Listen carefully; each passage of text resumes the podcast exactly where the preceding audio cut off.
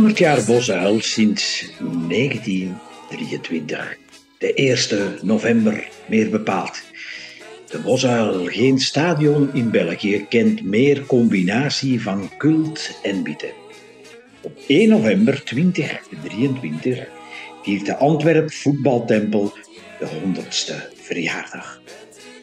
In deze podcastserie van het Voetbalmuseum vertellen we in 10 afleveringen over de vergeten geschiedenis van rode en witte duivels in de hel van Deurne. Van Engeland 1923 tot Brazilië 1988. In deze 65 jaar werden liefst 40 officiële en twee officieuze interlands gespeeld op de Bosuil, waaronder 35 derbies der lage landen, met andere woorden België, Nederland. En met tussendoor als klapstuk ook de halve finale van het Europees kampioenschap voor landenploegen in 1972 tegen West-Duitsland voor een record van meer dan 60.000 kijkers. 100 jaar Bosuil op 1 november 2023. Een podcast met vertellingen uit het voetbalmuseum van schrijver Raf Willems. Deze serie gaat over de vergeten geschiedenis van rode en witte duivels in de hel van Deurne, van Engeland 1923 tot Brazilië 1988. Aflevering 3 vandaag over België-Nederland op 17 maart 1940 en die eindigde op 7-1, de recordscore aan Belgische kant in de derby der Lage Landen voor slechts tussen aanhalingstekens 32.000 toeschouwers en dat had zo zijn reden.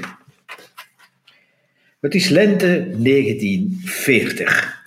De stilte voor de oorlogsstorm kondigde een van de merkwaardigste derbies der Lage Landen aan.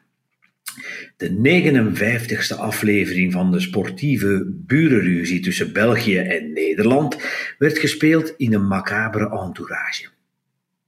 In volle mobilisatieperiode zaten en stonden heel veel Belgische soldaten en amper Nederlandse fans op de tribunes. De oorlogsdreiging verhinderde de traditionele massale supportersinvasie. De Belgische bondscoach Goetink dreef na drie uitschuivers in Nederland met achtereenvolgens 9-3, 8-0 en 7-2 nederlagen een potige verjongingskuur door. De pers trakteerde echter op schimpscheuten. In Sportleven, het officiële bondsorgaan, lazen we op 20 maart 1940 een soort terugblik op de partij. Ik citeer. Het heldhaftige publiek dat regen en storm trotseerde om te kunnen aanmoedigen, een ploeg die voor de lol ineengestoken werd. Een ploeg die geen vijf toeschouwers vermocht te verplaatsen, naar het zeggen van sommige groottierende pers. Jan Publiek had in de strik van die goedkope stommigheid zijn domme kop gestoken en bleef voor een groot deel thuis achter de kachel. Van de radio zou hij het wel vernemen met welke saus de Belgskens door de reuzen van Oranje opgevreten werden. Het dynamische spektakel is alleen voor de getrouwen geweest, voor deze die de rode duivels in hun verjongingsdrift niet verlaten hebben, voor de dertigduizend die in de plassende regen het vuur van onze hoop hebben weten te onderhouden. Einde citaat van de onvermoeibare auteur. 15.000 kaartjes bleven dus onverkocht. Maar de driekwartvolle door bijna louter Belgen bezochte Bosuil zag een fantastische score die vooral door de tragische held Jules van Kraan gestalte werd gegeven. De Belgische bondscoach Hector Hoetink, heropgevist na de onverhoedse terugkeer van de Engelsman Jack Reynolds, haalde de bezem door de selectie. Goetink verwijderde Raymond Breine van Beerschot uit het elftal zonder te beseffen dat daarmee het doek viel over een indrukwekkende carrière. Breine werd vervangen door Jules van Kraan, een 19-jarige Kempenaar die voor onderwijzer studeerde. Van Kraan was de enige Belgische speler die niet door het leger was opgeroepen.